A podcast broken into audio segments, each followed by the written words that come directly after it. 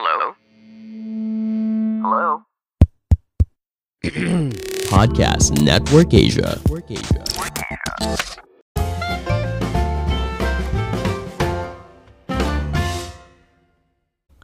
Halo semuanya, kembali lagi bersama saya Madianto.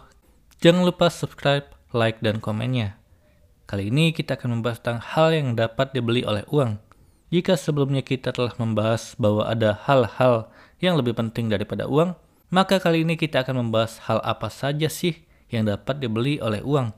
Memang benar bahwa uang ternyata dapat memberikan kebahagiaan, bahkan dapat mengubah nasib seseorang. Sebagian dari permasalahan hidup terjadi karena masalah uang. Bahkan tingkat perceraian yang tinggi, salah satu penyebabnya adalah faktor ekonomi. Untuk itulah, kita perlu menjaga keuangan kita agar lebih sejahtera dalam hidup dan mengurangi masalah yang ada dalam masalah keuangan. Uang ternyata dapat membeli beberapa hal. Berikut adalah beberapa di antaranya. Yang pertama, rasa aman. Uang dapat membeli rasa aman. Coba bayangkan ketika kamu sudah menyimpan dana puluhan hingga ratusan juta rupiah, pasti rasa aman bertambah dan kecemasan perihal uang sedikit berkurang. Sebaliknya, pasti ada rasa cemas ketika kita kekurangan uang atau sedang terlilit hutang. Semoga kita semua bisa menyelesaikan masalah keuangan kita agar mendapat rasa aman dalam hidup. Dengan banyaknya uang yang kita simpan atau kita tabung, maka kita bisa menyiapkan hal tersebut untuk dana darurat dan dana lainnya ketika ada keperluan mendadak. Kita tidak perlu hutang ke sana kemari karena sudah ada simpanan untuk jaga-jaga. Bagi saya, uang dapat membeli rasa aman. Kedua, kebahagiaan. Meskipun sebagian orang bilang bahwa uang tidak bisa membeli kebahagiaan, menurut saya itu malah kebalikannya. Uang dapat membeli kebahagiaan. Coba pikirkan, apa hobi kamu saat ini? Misal, hobi kamu adalah traveling.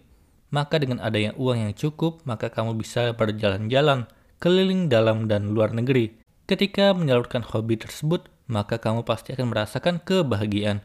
Meski demikian, bagi saya hobi tidak harus yang mahal Hobi membaca atau mendengarkan podcast yang memotivasi diri adalah kebahagiaan bagi saya. Saya juga tidak harus mengeluarkan uang yang besar, meski masih tetap merogoh kocek secukupnya saja. Pilihlah hobi yang bermanfaat agar kamu mendapatkan kebahagiaan dan juga hal-hal yang bermanfaat. Kebahagiaan juga didapat ketika kamu dan keluargamu dapat beraktivitas tanpa ada kendala dan ketika mampu memenuhi kebutuhan bulanan. Ketiga, kesehatan.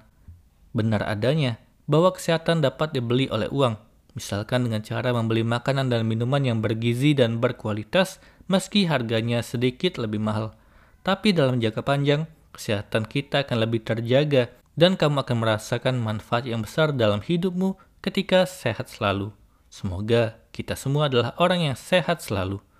Memang kita perlu untuk berhemat, tapi kalau soal makanan, kamu perlu menghindari makanan yang tidak sehat seperti makanan yang mengandung gula dan garam.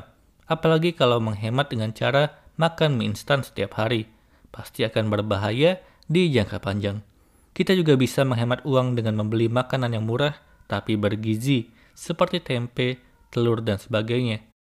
Ketika sakit, uang bisa membeli kesehatan dengan cara pergi ke rumah sakit dengan dokter yang handal dan mampu mengobati kita dengan alatnya yang canggih. Keempat, pengetahuan dan pendidikan. Uang dapat membeli pendidikan dan pengetahuan. Sebagian orang rela mengeluarkan uang demi menyekolahkan anaknya hingga menjadi dokter atau kuliah hingga S3. Hal ini dilakukan demi masa depan sang anak agar memiliki karir yang cemerlang.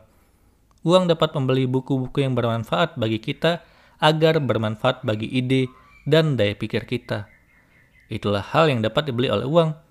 Meski demikian, saya tidak mengajarkan kita semua untuk bersikap materialistis, karena memang pada dasarnya hidup hanyalah sementara, dan yang kekal adalah hidup di akhirat nanti. Maka dari itu, selain mengejar uang, kita perlu untuk menyeimbangkannya dengan perbuatan baik dan bersyukur atas hidup yang Tuhan berikan kepada kita. Semoga ini bermanfaat. Sekian dan terima kasih. Pandangan dan opini yang disampaikan oleh kreator podcast, host, dan tamu tidak mencerminkan kebijakan resmi dan bagian dari podcast Network Asia. Setiap konten yang disampaikan mereka di dalam podcast adalah opini mereka sendiri dan tidak bermaksud untuk merugikan agama, grup etnik, perkumpulan, organisasi, perusahaan, perorangan, atau siapa pun dan apa pun.